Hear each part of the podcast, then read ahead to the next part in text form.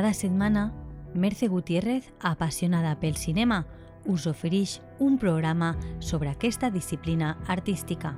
No solo cine, en la teua ràdio.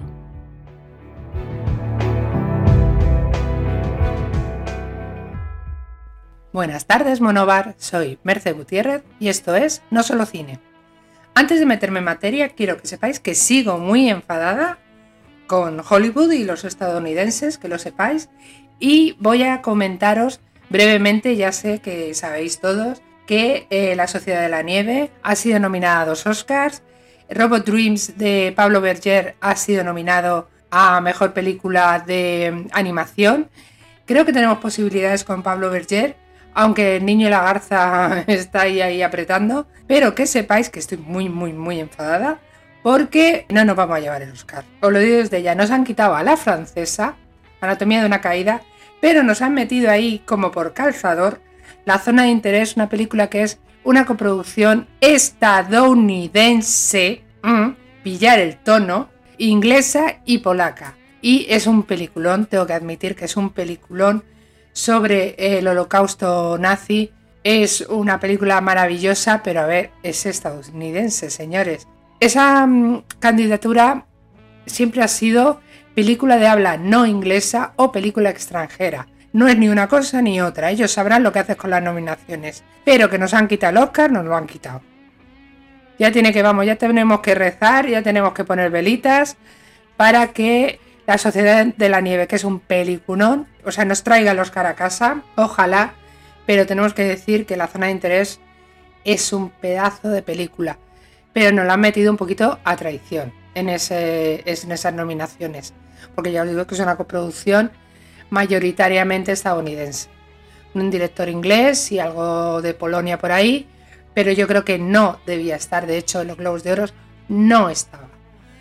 Así que sigo enfadada, muy enfadada, que lo sepáis, con ellos, aquí con nadie, ¿eh? con Estados Unidos, con la academia en general, ya les llegará ya.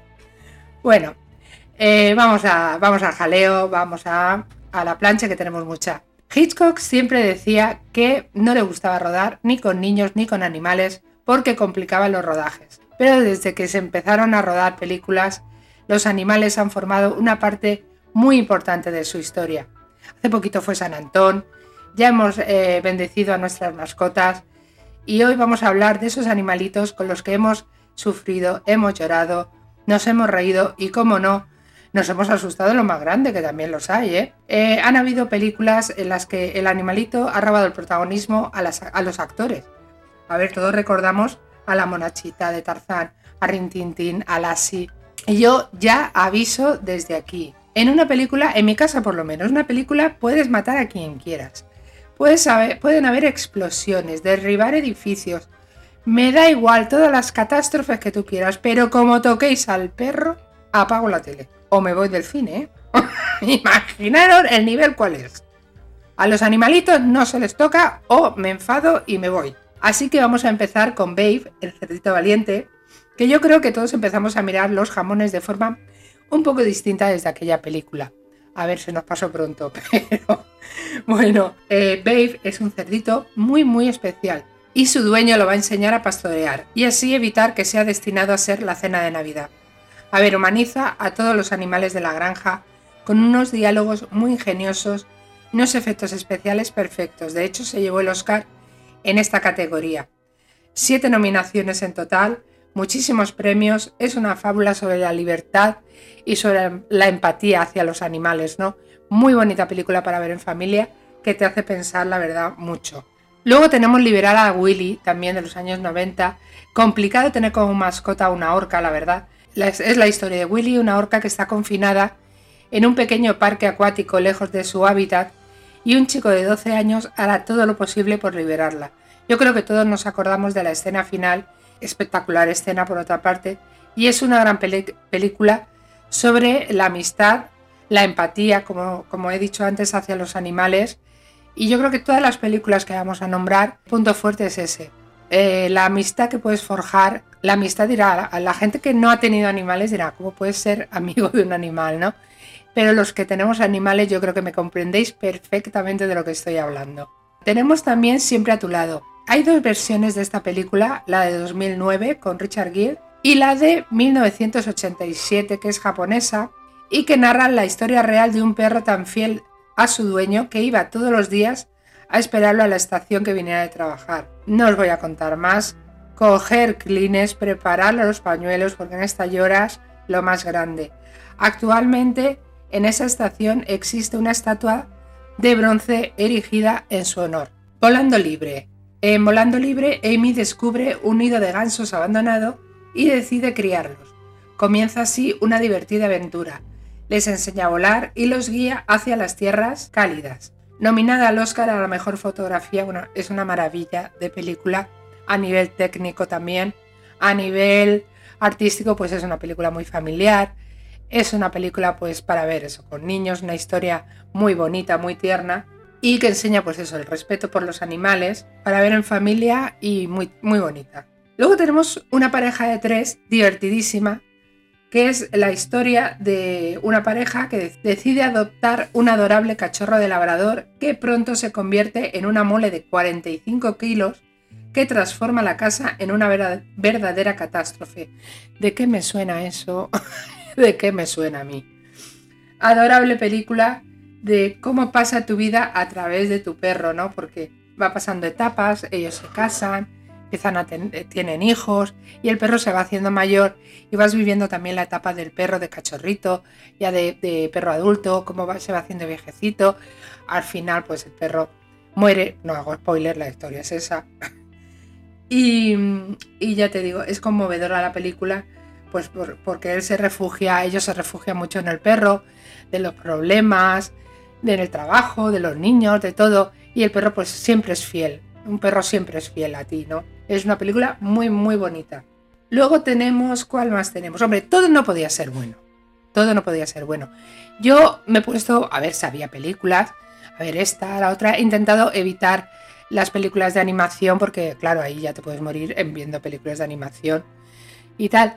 Pero claro, cuando he puesto películas de animales y he empezado a salirme tiburón, piraña y todo esto, he dicho, a ver, piraña, mm, no sé quién tiene pirañas. También tenemos a porque no siempre los animalitos nos dan alegrías y amor. Stephen King cogió una de las razas de perros más bonachonas del mundo y creó uno de sus libros más terroríficos. Es la historia de un entrañable San Bernardo al que muerde un murciélago y le contagia la rabia. A medida que la enfermedad avanza, el perro se vuelve más agresivo hasta aterrorizar a todo el vecindario. Muy bien hecha para la época, es de 1987 si no recuerdo mal, hecha con una tensión claustrofóbica y está, ya os digo, muy bien hecha para la época que, para la época que es. Es un clásico de cine de terror. Y yo creo que para limpiar un poquito la imagen de los San Bernardo, porque la verdad que te, deja un mal cuerpo cuyo que no veas, llegó Beethoven. Beethoven, yo creo que todos conocemos a Beethoven, que lo único que hacía era llenarlo todo de babas, destrozar todo lo, todo lo que hubiera a su paso y comérselo todo. Fuera mantele, fuera comida, fuera lo que fuera él a comer. Y con sus 80 kilazos de perro. Madre mía, señor, 80 kilos. Película familiar, muy divertida, con un par de secuelas que la verdad que la segunda está muy bien, ¿eh? La segunda cuando tiene cachorritos, te mueres de risa con los cachorritos también. Hay un par de películas que no son propiamente de animales, pero en la que los animales que salen juegan un papel muy importante en la trama. Y yo quiero destacaros dos. Esta Soy leyenda con Will Smith. Will Smith es el último hombre vivo que hay sobre la Tierra y los demás seres humanos se han convertido en vampiros y todos ansian beber su sangre. Pero él no está solo del todo. Sam, su perra, lo avisa y ayuda y es su única compañía. Aquí preparan los clines, de verdad, porque aquí sí que llora lo más grande. Hay una escena en especial que yo creo que no, no se nos ha olvidado a nadie y aquí dije apago la tele y me voy. apago la tele. No, estaba en el cine, la estaba viendo en el cine. Me levanto y me voy. Madre mía, qué manera de llorar. Es tremenda. Y luego hay otra que es el ratoncito Mr. Chingers, es la única compañía de unos presos condenados a muerte en la obra maestra de Stephen King, La Milla Verde, que no quiero haceros spoiler porque es una película, si la habéis visto sabéis de lo que estoy hablando, lo llaman el ratón inmortal y si no, por favor, correr a ver la película porque es una maravilla. Y el ratoncito tiene una historia ahí con ellos muy, muy buena. Y bueno, voy a hacer la recomendación de la semana. A ver, estoy ya con las nominadas a los Oscar y tal, alguna he visto. Ya os eh, recomendé la semana pasada Salborn, que no ha sido nominada a ningún Oscar, por cierto. Se han quedado todos de vacío. Se ha montado una tremenda por Barbie, que no estoy de acuerdo con la que se ha montado por Barbie. Ya os expliqué que las nominaciones las manda la producción, la productora de la película. Si tú no mandas a que, si tú mandas a Ken por mejor actor, no sé cómo un como ha pasado con Margot Robbie, porque había mucha competencia en tanto en mejor actriz como en mejor actor, porque ya sabéis que en Globos de Oro hay comedia y drama, hay 10 nominaciones y tienen que rebajar a 5. Entonces, eh, Margot Robbie se ha quedado sin nominaciones porque había actrices, ya no actrices mejores que ella. Margot Robbie es una actriz increíble. Pero el papel, a ver, Barbie, está muy bien la película, pero el papel, había eh, actuaciones mucho más trabajadas, papeles mucho más trabajados. ¿Qué hizo la, productora de Barbie? Enviar a Ken como mejor actor secundario. Entonces ahí no habían, no había tanta, tanto duelo. Entonces sí que cogieron y sí que le dieron la nominación. Tanto a él como a América Ferrera por mejor actriz secundaria. ¿Quién es secundario? No, ¿quién es protagonista? Lo que pasa es que lo hicieron ahí, le salió bien la treta y Ken está eh, nominado, para que no se quejen. De que han nominado a Ken, porque han hecho un truquillo para que lo nominaran. Y ahora está todo el mundo tirándose de los pelos. No, lo habéis hecho vosotros.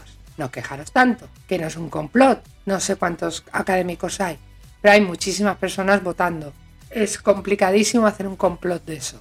Cada uno va a votar lo que, lo que quiera. Y entonces es muy complicado. Habéis hecho vuestra jugada y en con qué nos ha salido bien. Con Barbie no, porque habían actuaciones impresionantes. Así que ahora aguantaros con lo que hay. Y a ver si tenéis suerte y América Ferrera se lo dan por secundaria. Bueno, pues eh, tema Oscars, he visto Maestro, el biopic sobre Leonard Bernstein, dirigida y protagonizada por Bradley Cooper. Tiene siete nominaciones a los Oscars, mejor película, mejor guion, mejor actor, actriz, bueno, de los más importantes. A ver, muy bien hecha, muy bien estructurada, la protagonista está increíble, Kerry Mulligan, pero es que a Bradley Cooper no lo ves por ningún lado. El maquillaje, la caracterización, los movimientos, los gestos es Bernstein. No es a Bradley por ningún lado. Pero a mí personalmente me hubiera gustado más que se centrara en lo profesional. Este señor hizo las mejores bandas sonoras de Hollywood de los años 50 y 60. Luego aparte era un gran músico de música clásica y un gran director de orquesta. Entonces me hubiese gustado más que se centraran en esa mm, parte profesional que no en lo personal, que me río yo ahora de las moderneces del poliamor, la pansexualidad, cuando los 50 en Estados Unidos estaban de vuelta de todo. Y ahí iba todo el mundo con todo el mundo y no pasaba nada. Y aquí ahora nos tiramos de los pelos. En fin, yo creo que mm, la película hubiera ganado con un, enfoque un pelín diferente, pero aún así es una gran película con grandísimas actuaciones.